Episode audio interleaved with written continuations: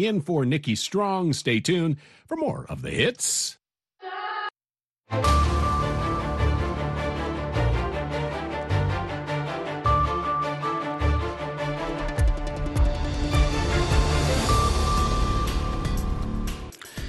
halkani waa washington laanta afka soomaaliga ee v o a oo aad ka dhagaysanaysaan mawjadaha gaagaaban efmiyada geeska afrika iyo caalamkao dhan oo aad nagala socotaan v o a somaly com.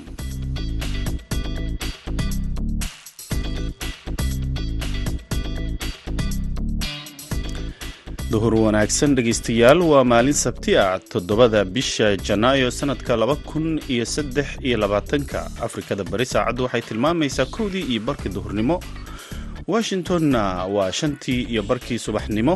Idaacadda duhurnimo ee barnaamijka dhallinyarada maantana waxaa idinla socodsiinaya anigoo ah cabdulqaadir maxamed samakaab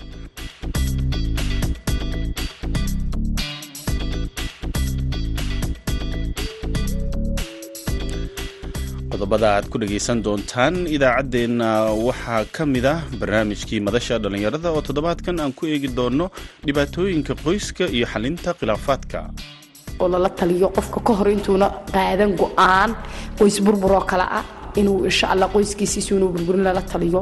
Mayana intuuna tallaabo isbeddel noloshiisa uuna kula kicin lala taliyo. Kaalmihii heesaha ayaad sidoo kale ku dhegaysan doontaan balse intaasoo dhan waxaa ka horreeya warkii dunida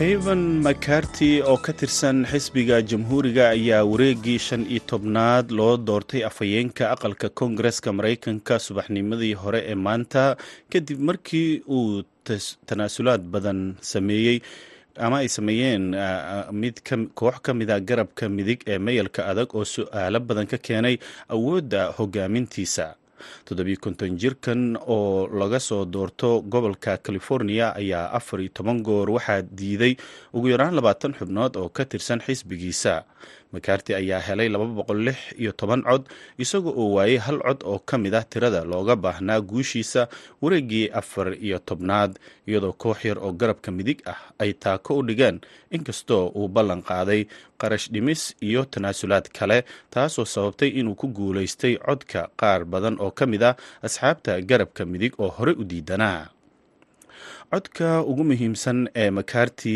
raadinaya ayaa ahaa kan xildhibaanka mayalka adag ee matt getes oo ka aamusay inuu u codeeyo. Xubno ka tirsan hogaanka xisbiga jamhuuriga ayaa dul dhoobtay getes oo laga soo doorto florida muddo daqiiqada ah iyagoo isku dayeyey inay ku qanciyaan inuu bedelo go'aankiisa ka hor inta aanu makarti aqbalin guuldaradii afar iyo tobnaad gacanka hadal kooban ayaa ka dhacay goobta doorashada iyadoo mark rogers uu handaday gates laakiin xubnaha kale ee xisbigiisa ayaa dejiyey rogers. Natiijadan ayaa waxa ay jahwareer ku riday golaha wakiilada kadib muddo toddobaad ah oo ay codayn isdaba joog ah socotay taasoo iftiimisay kala qaybsanaanta xisbiga jamhuuriga.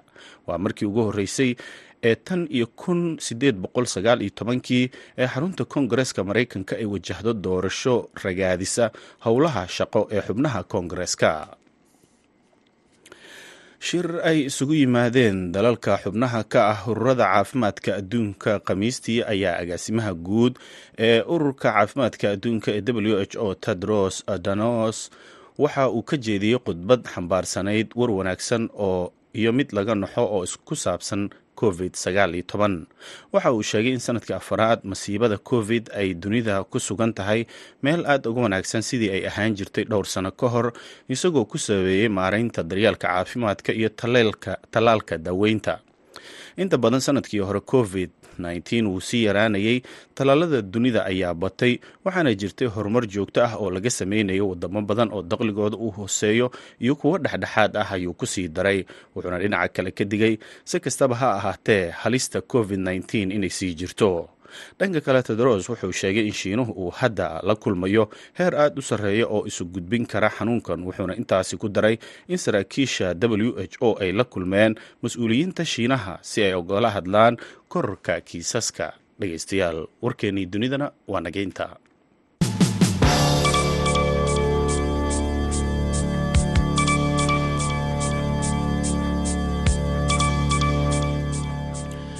halkaaad warkaasi ka dhagaysanayseen waa idaacadda v o a oo idinkaga imaaneysa washington.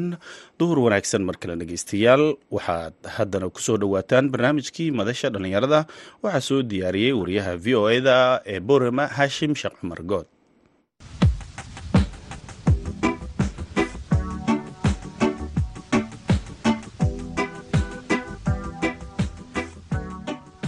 kulanti wanaagsan dhegaystayaal ku soo dhowaada barnaamijka madasha dhallinyarada oo maalin walba oo sabtiyo toddobaadkii aad ka dhegaysataan hadahan oo kale idaacadda duhurnimo ee barnaamijka dhallinyarada maanta ee laanta afka soomaaliga ee v o a.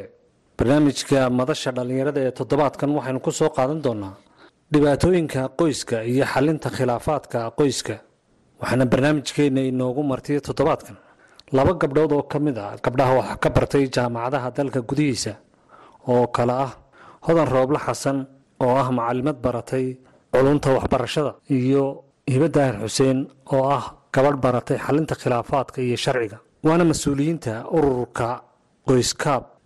Ugu horreyn waxaan weydiiyey hodan rooble xasan bal inay sharaxaad naga siiso ururkan iyo waxyaabaha uu qabta bulshada.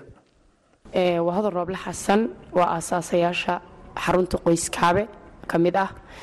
Xarunta qoyskaabe horta waxaa loo aasaasay ama loo sameeyey ujeedooyinka ugu waaweyn waxa weeyaan markii la arkay dhibaatooyinka fara badan ee bulshadeena haysata hadday tahay qoysas fara badan oo tafaraaruq dhex yaallo hadday tahay dhallinyaro fara badan oo dhibaatooyinka iyo caqabadaha nolosha aan la tacaalayn soo wajahda oo isdilaya oo tahriibaya haddii ay tahay qoysas fara badan oo dhaqaale la'aan iyo ay soo darsayso inay noloshii ka dhaceen. Marka bulshadeennii hadday intaa ku socoto waxaa ku dambayn doonaa inay qoysaskii hadduu mar baabao dee qarankuna uu baabi'i doonaa oo bulsho dhan baa baaba'aysa oo noqonaysa bulsho iska nooloon marka waxaan u aasaasanay in la nooleeyo qoysaska la kaabo. Kaabiddu waxa weeyaan qoyskii in laga kaabo yani waxyaabaha ay xaruntu qabatoo kale ka mid oon ku sheegi doonaa insha allah marka in la koobo oo la hagaajiyo qoyskii muslimkahaa oo sidii saxdahayd wacyigelin iyo wacyigelino iyo tababare intaba loo sameeyo. Waxyaabaha aad qabateen ilaa iyo hadda muddadii ay asaasnayd xaruntani maxaa ka mid a xarunta horta aasaaskeygii iyadoo laga jooga sanad uun iyo xooga yar. Waxaa la aasaasay sannadkii kii bishii labaad ayaa aasaaskeygi saxdaha ahaa. Ilaa hadda waxaan ka joognaa sanad iyo afar bilood.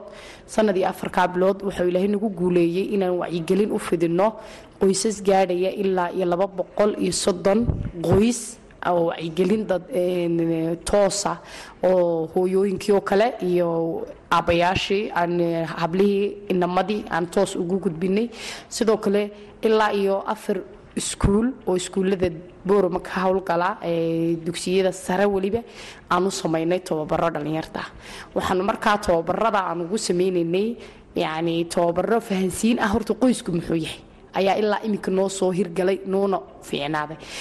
Tababaro gaara oo hooyooyin gaara ayaa sidoo kale noogu hirgalay ilaa shan iyo toban dumar oo si khaasa oo hooyooyinha oo aan tayeynaynay ayaanu markaa u tababar u samaynay sida dhaqaale samaynta waxyaabaha xanuunada kala gudbaa sidoo kale waxaan u samaynay yani qoyskooga iyo ciyaalka tarbiyeyntooda ama siday u ilaalinayaan. Marka maasha allah guuluhu way iska farabadayihin wayna isdaba socdaan. Insha allah weli weli kowma joogna laakiin waxaan is leeyahay xaruntu waxay samaysay weli laba ilaa saddex beersantii hawshii ay ugu talagashay inay qabato. Waxyaabaha aad is leedihiin nolosha qoysaska waad ka bedeli kartaan xaruntiinan qoyskaabe. Marka aad talo iyo tababaro iyo waxyaaba noocaas aad siisaan maxaa ka mid a xarunta koleyba horta waxay u joogtaa afar qodob oo waaweyn. Ayay insha allah bulshadaan rajaynaynaa inay ka bedesho ama ay ka qabato. Xarunta kow waxay u joogtaa inay bixiso tababaro tababarada ay u bixin doonto afar geesood ama afar dhan ay u bixin doonto. Oo u bixin doonto waalid dhallinyar iyo ay u bixin doonto yacni bulshada rool moodhoolkeega ama dadka ka howlgala bulshada ee cadcad. Oo markaa aanan kale lahayn mansab aanan kale lahayn magac laakiin la rabo inuu qof walba ka qayb qaato si bulshadii bedel saxa u yeelato. Waxay samaysaa la talin taasoo ah dadkii ay soo wajahaan caqabado weliba siiba dhallinyarta in la talin ay u fidiso islaamahoo kale hooyooyinka cabanaya maadaama uu aasaasayaasha xarunta ay ka tahay walaalo hibo oo ku soo takhasustay xalinta khilaafaadka qoysaska ay toos uga bixiyaan la talinta xarunta looga bixiyo oo lala taliyo qofka ka hor intuuna qaadan go'aan qoys burburoo kale ah inuu insha alla qoyskiisiisa inuu burburin lala taliyo. Mayana intuuna tallaabo isbeddel noloshiisa uuna kula kicin lala taliyo. Soo kale xaruntu waxay samaysaa tayeyn. Tayeyn oo ah qoyskii already iskaba jiray ee wanaagsanaa ama fiicnaa ee dhammaystirnaa ee maasha allah dhaqaale iyo isfahanba u dhammaystiran yahay in lagu tayeeyo halkaa ay taagan yihiin oona halkaa ku joogin. Laakiin la kobciyo oo reerihii fiicnaa aan fiicnidoodii xoojino. Soo kale xaruntu waxay samaysaa barashada xalinta khilaafaadka markaa markaa la barayo xarinta khilaafaadka waxaa looga dan leeyahay dad fara badan baa xaalad cadho ku kala tega.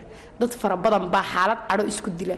Dad fara badan baa xaalad qabatinwaa ama uu ay xamili waayeen nolosha iyo cidhiidhigeega ay waxay sameeyaan inay xaalado ka duwan ama dhibaato ka weyn ay geystaan.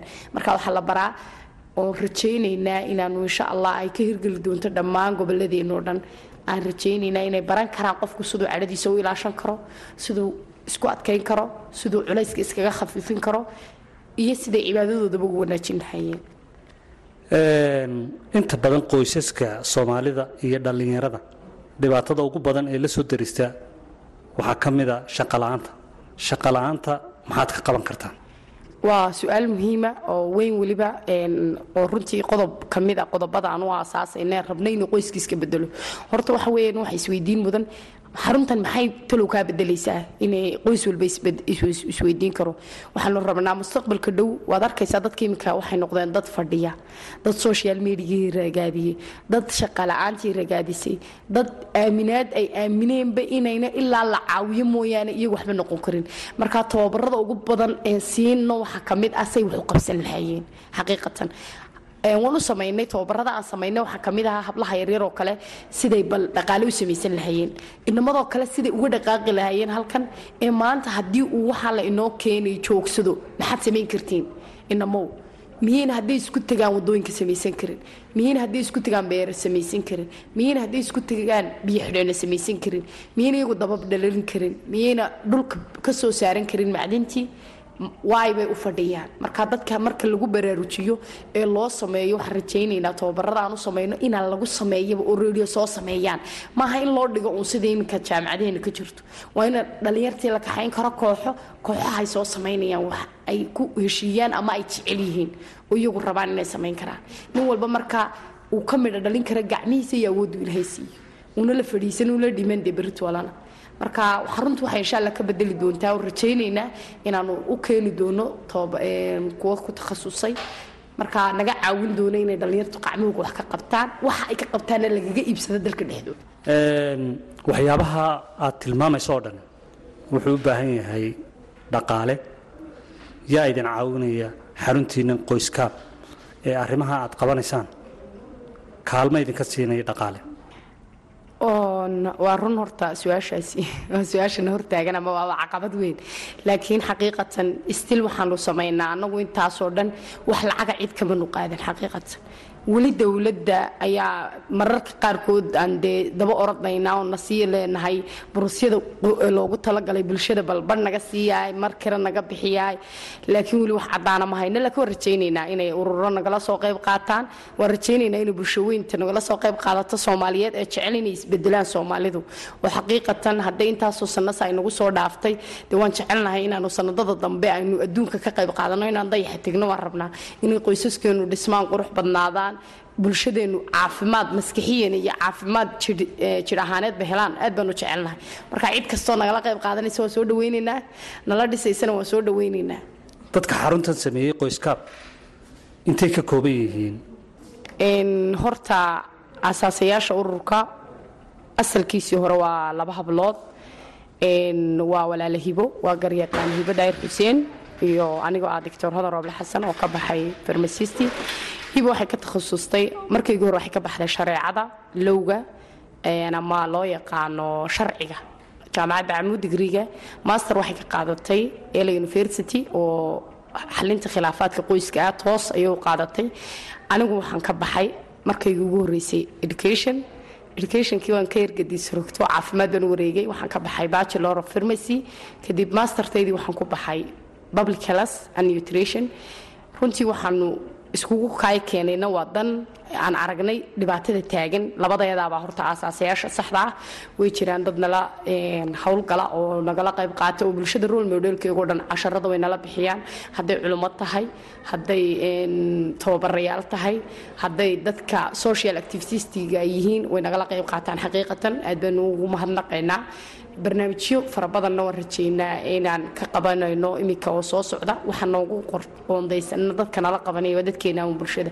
Marka way nala leeyihiin exactly laakiin aasaaska iyo fikirka iyo samaynta iyo isku dabaridkaba horta labadeedaabaa wata ay ugu weyn tahay ugu horeyso walaalihiibo iyadoo takhasuskii qoyska iskale oon la diyaarinayay oon la ogaa oon arkayay maadaama welibna ka howlgasho ay ka shaqayso arrimaha qoyska aniguna aan muddo ilaa koob toban sanaa wasaaradda waxbarashada ka soo shaqaynayay tababarada dhallinyarta iyo kobcinta aqoontooda iyo noloshooda. Sidaa khibrad baanay keentay sidoo kale waxaa barnaamijkeena inagala qayb qaadanayey hiba daahir xuseen oo ah qareen kana mida aasaasayaasha ururkan qoyskaab. Dhallinyarada tahriibaysa ee caqabado dhinaca nolosha darteed u tahriibaysa. Maxay idinla qabataan? Siiba kuwa waxbartay ee dugsiyada iyo jaamacadaha sare ka baxa way jirtaa kuwaasi runtii waxaan siinaa wacyigelin. Qaar iskuulladan ku buuqanayba sekandariyada ka baxayoo kale qaar dibaddan kula sheekaysanaa qaar waxaanu ka helnaa heer jaamacadeed markay ka baxaan. Kulley qofka markaad la sheekaysato unbaad fikirka ku jira ogaanaysaa. Dhallinyarta inta ugu badan waxa macnaha caqabaday soo wajahda eenu ka helno een macnaha talabixin ka siinaa. Waxa ay tahay xirfadii nolosha uu ku wajihi lahaa qofkani ma haysto. Marka xirfad nololeed baan siinaa. Qofkan maanta haddii uu faamiliga ay isku dhacaan waxa uu u burburinayaa noloshiisa intii soo jirtay iyo inta uu sugi lahaa. Waad aragtay gabdhaha inta iminka isgubka galo oo kale. Waxaa dhici karta in qof xaafadda ku cadhaysiiyey ama maahayna qof ay xidhiidh la lahayd oo kale ay ka cadhootay. Waxayna u burburisay noloshaasoo dhan dhammaystiran cadho yaroo soo wajahday. Marka qofkaasoo dhallinyartaasoo kale waxaanu tababarnaa ama waxaanu u sheegnaa inay waxani tahay wax la baran karo noloshana ay wax ka mida tahay. Marka dhibaatada nolosha qayb ka mida waa in la bartaa xalkeegii qayb ka mida sidaad u wajihi lahayd sidaan gabdhaha badan eenu la sheekaysaneen asxaabta lanahay iminka aanunu u sheegno. Dhallinyarta iminka soo kabcaysana runtii waxay ku badbaadi karaan inuu tahriib iyo dhibaato iyo khamro iyo sine iyo wax kasta kaga badbaadi karaan la saaxiib iyo la sheekaysi. Marka aad qofka la saaxiibto eed la sheekaysateed la fadhiisato waxaad ogaanaysaa runtii waxa isaga maskaxdiisa ka dhex guuxaya. Kabacdigeenna markaasaad bedeli kartaa. Markaan dhallinyartaa la sheekaysano ayaan wixii markaa isbeddel ay u baahan yihiin maskax ahaaneed. Anu siinaa sidaasayna ku wajahaan tababar nololeed. Ayna nooga mahadnaqaan dhalinyar badan oo iminka nala soo xidhiidho yidhaahdaan runtii. Anagu in badan oon tala siinay ma xasuusan karno laakiin waxay yidhahdaan fikir noocaasad siisay dabeedna waan ku guulaystay alxamdulilah dhibaatooyinkaasi aada la kulantaan ma diiwaangelisaan? Faylka ma idinku jira. Kolley waa la diiwaangeliyaa. Caqabadaha ugu badan ee noloshuna waa wax soo noqnoqda. Un kolley maalin walba mashaakil cusubnama soo wajaho. Laakiin wixii unbaa soo noqnoqda wixii maanta dhacay unbaa beri soo noqda. Sababta u soo noqnoqonayaan ina waxa weeyaan in macnaha wixii maanta dhacay ana laga daba tegin ama maxay ku dhacday ana la isweydiinin kolley runtii waan diiwaangelinaa. Wax cusubna maaha waa wax soo noqnoqonaya. Daas way diiwaangelin badan ayna u baahnayn. Laakiin ay u baahan tahay uun ka mushkiladan soo noqnoqonaysa. Maxaa lagaga hortagi karaa inaan la nimaadno haddaan su'aashaa ku sii darno waynoo diiwaangashay. Caqabadaha ugu badan. Waxaa ka mid ah caqabadaha ugu badan wayna caddaha guri walna way taallaa. Isfaham la'aan caqabadaha qoyska ugu badan. Istaakulayn la'aan isgargaar la'aan is-ixtiraam la'aan kala dambeyn la'aan. Yacni waxyaabaha ugu badanan aragna waxaa ka mid ah social mediai ama baraha bulshadii ayaa caqabadaha ugu waaweyn iyo soo daraashaa dhaqaalo la'aan ama dhaqaalo yari sidoo kale waxqabad la'aan. Isku fiirsad ama isxaasad wax loo yaqaano. Oo aad arkaysa dhallinyartii ama qoysaskiiba inay isku fiirsadaan. Mid walba kolley sharaxiisa dee xaruntaa loo soo doonane laakiin bal mawduuca guudumaa sheegana ama dhibaatooyinka yaalla. Shaqo la'aanta ka mid ah istaakulayn la'aanta ka mid ah waxa soo dheer oo intaasoo dhan dheer dowlad la'aanta. Oo number onka iyaduna oo de wax hagaya ayna jirin ama hagid la'aan dadkii ay iska socdaan oo bila hagid la'aan. Waxaa ka sii weyn oo kale cibaado la'aan ama cibaado yari. Xaqiiqatan bulshadeenna iyo qoysaskeenna waxaan ku aragnay oon diiwaangelinay in cibaado yari badan ay soo wajahdo dhallinyar fara badan oon caawinay sidii walaala ka dhawaajisay dhowr ilan ayaa jiray oo ay wiilka yaraaye noo soo ka mid ahaayeen oo yani doonaya inay tahriibaan ama ay ka tegaan dhulkan. Oon ku nidhi bal at waxaad samaysiin waxyaabaha loo yaqaano dhaqaale yar oo samaysan gacantiina maxaad ku samayn kartiin? Dhowr meelood oonan lagaa garanin ka shaqee sida tusaale ahaan inaad guryaha qaarkood u ilaalisiin meelaha guryaha la dhisayo aad habeen waashmaan ka soo noqoto saddex dhalorsa maya inaad soo maydhid ood dhowr qof baabuurtooda maydhistooda aad adu kontarooshin yani shaqada yarkayga ka bilooba lacagtaa yar qaata insha allah wixii ay kaaga soo baxdo dadka sii iibi qaar baa qalimaan iibiyey inamo weliba arday jaamacaddan kula talinay aan ku nidhi bal at least ardayda ay qalimada iibsadaan idinku ka iibiya intaad ka soo iibsatiin yar dad saarta wax yar idinku ka iibsada runtii kuna guulaysta intaas waxaynu ku soo gunaanadaynaa kuna soo gebagabaynaynaa barnaamijkeennii madasha dhallinyarada ee toddobaadkan oo aynu ku soo qaadanay khilaafaadka qoyska iyo xalintiisa. Waxaana barnaamijka inoogu marti ahaa oo inagala qayb qaadanayay hodan rooble xasan oo ah macalimad baratay culunta waxbarashada iyo hiba daahir xuseen oo ah gabadh baratay xalinta khilaafaadka iyo sharciga. Barnaamijkan waxaa idinka soo diyaariyey magaalada boorama anigoo ah haashim sheekh cumar good. Tan iyo kulantideenna dambe dhegaystayaal waxaan idinkaga tegayaa. Sidaas iyo nabadgelyo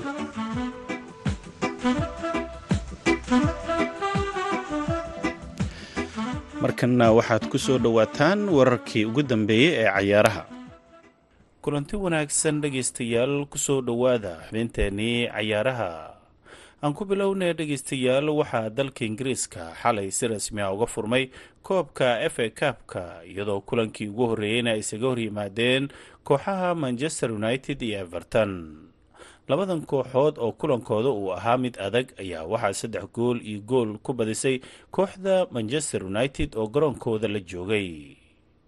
Goolka koowaad ayaa kooxda manchester united waxaa u dhaliyey ciyaaryahankooda antony kaas oo ay ka soo iibsadeen kooxda aikis una dhashay dalka brazil kadib markii baas qurux badan uu ka helay weeryahanka kooxda united iyo xulka ingiriiska marcos rashford kaas oo sanadkan ku jira mid ka mida qaab ciyaareedyadiisii ugu fiicnaa. Kooxda everton ayaa waxaa u barbareeyey daafacooda koodii laakiin mar kale kooxda manchester united ayaa soo taabatay shabaqa kooxda everton kadib markii gool qalada uu iska dhaliyey ciyaaryahan koodi taas oo ahayd kubad uu ku soo laaday ciyaaryahan marcos rashford.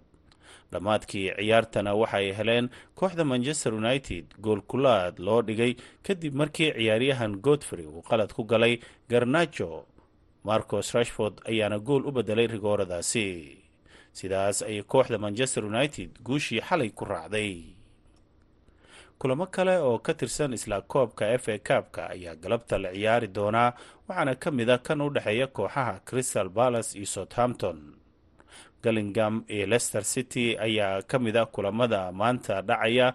Reading iyo watford ayaa isku aadan halka kooxda tottenhamna ay la ciyaari doonto kooxda kale ee bortsmouth dhinaca iyo dalka sbainna kulamo ka tirsan horyaalka laliga ayaa xalay la ciyaaray. Kooxda saltavigo ayaa hal iyo eber uga badisay kooxda elja sidoo kalena kooxda cadis waxay hal iyo eber ku garaacday kooxda valencia dhinaca kubadda kolayga ee dalkan maraykankana ciyaaryahan stephen kerry oo ah xidig ay ku dhaarato kooxda golden state warriors oo ah horyaalka kubadda kolayga ee dalkan maraykanka ayaa la sheegay inuu dib ugu soo laaban doono garoomada dhammaadka bishan.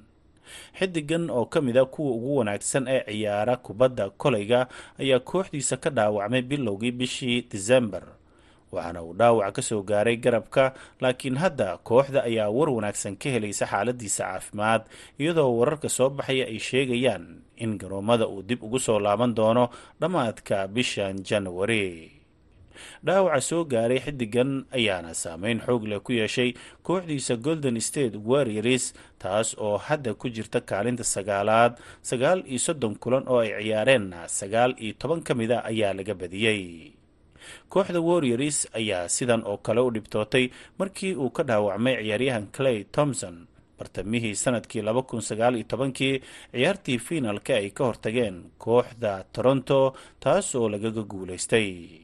Thompson ayaa soddon bilood oo garoomada uu ka maqnaa kooxdiisa waxa ay ku noqotay dhibaato weyn iyagoo u soo bixi waayey ciyaaraha play offka laakiin markii uu soo laabtay ayay mar kale ku guulaysteen horyaalka kubadda koleyga ee dalkan maraykanka soo laabashada kerry ayaana wax weyn uga dhigan kooxdiisa oo markaasi rajayn doonta inay u soo baxaan ciyaaraha play offka wararkeennii cayaarahana waa naga intaa.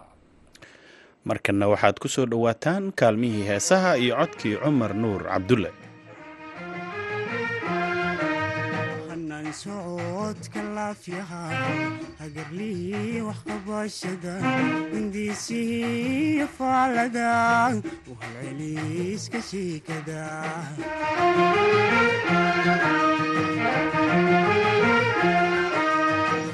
socodka laafyaha hagarlihii waxqabashada hindiisihii faalada uhalceliiska shiikada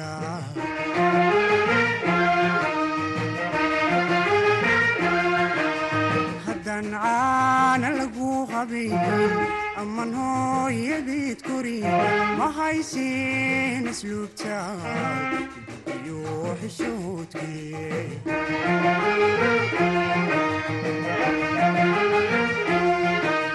haddaan caana lagu qabayn amman hooyadeed korin ma haysin asluubta iyo xishoodkee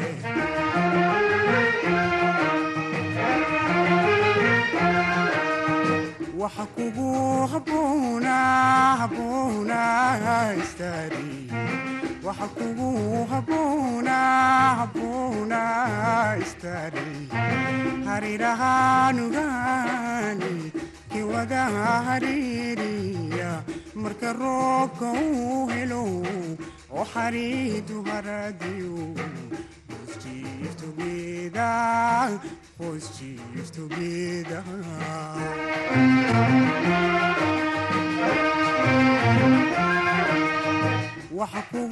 habboona habboona istaari waxa kugu habboona habboona istaari harirahaanugaani kiwada hariiriya marka roobka uu helo oo xariidu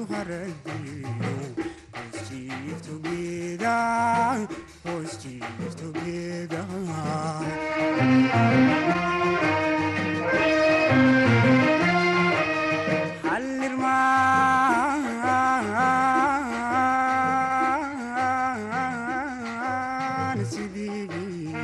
halilaad kumaasha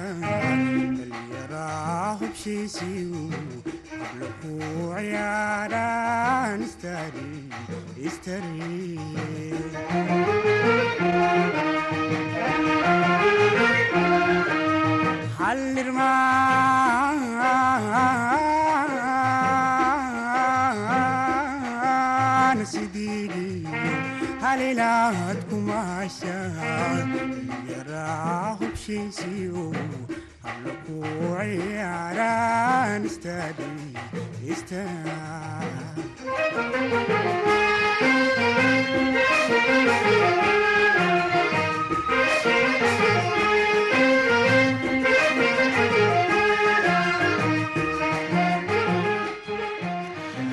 heestaasi ayaan ku soo afmeeraynaa idaacaddeenii duhurnimo. Waxaa idinla socodsiinaya anigoo samakaaba tan iyo idaacaddeenna galabnimo. Waxaanu idinkaga tegaynaa sidaa iyo nabadgelyo.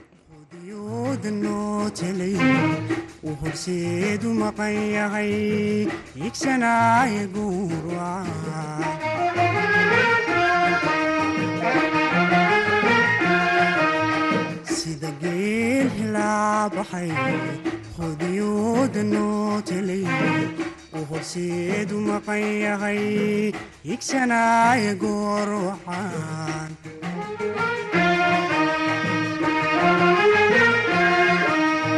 higiyo naftaydii adahebayd ka dhigayo hilbahaygi saafo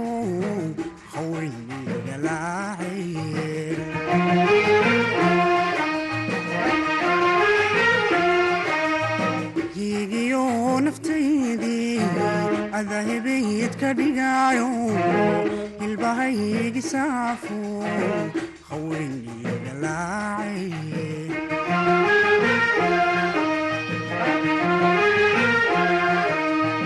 waxa kugu haboona haboona istaagi waxa kugu haboona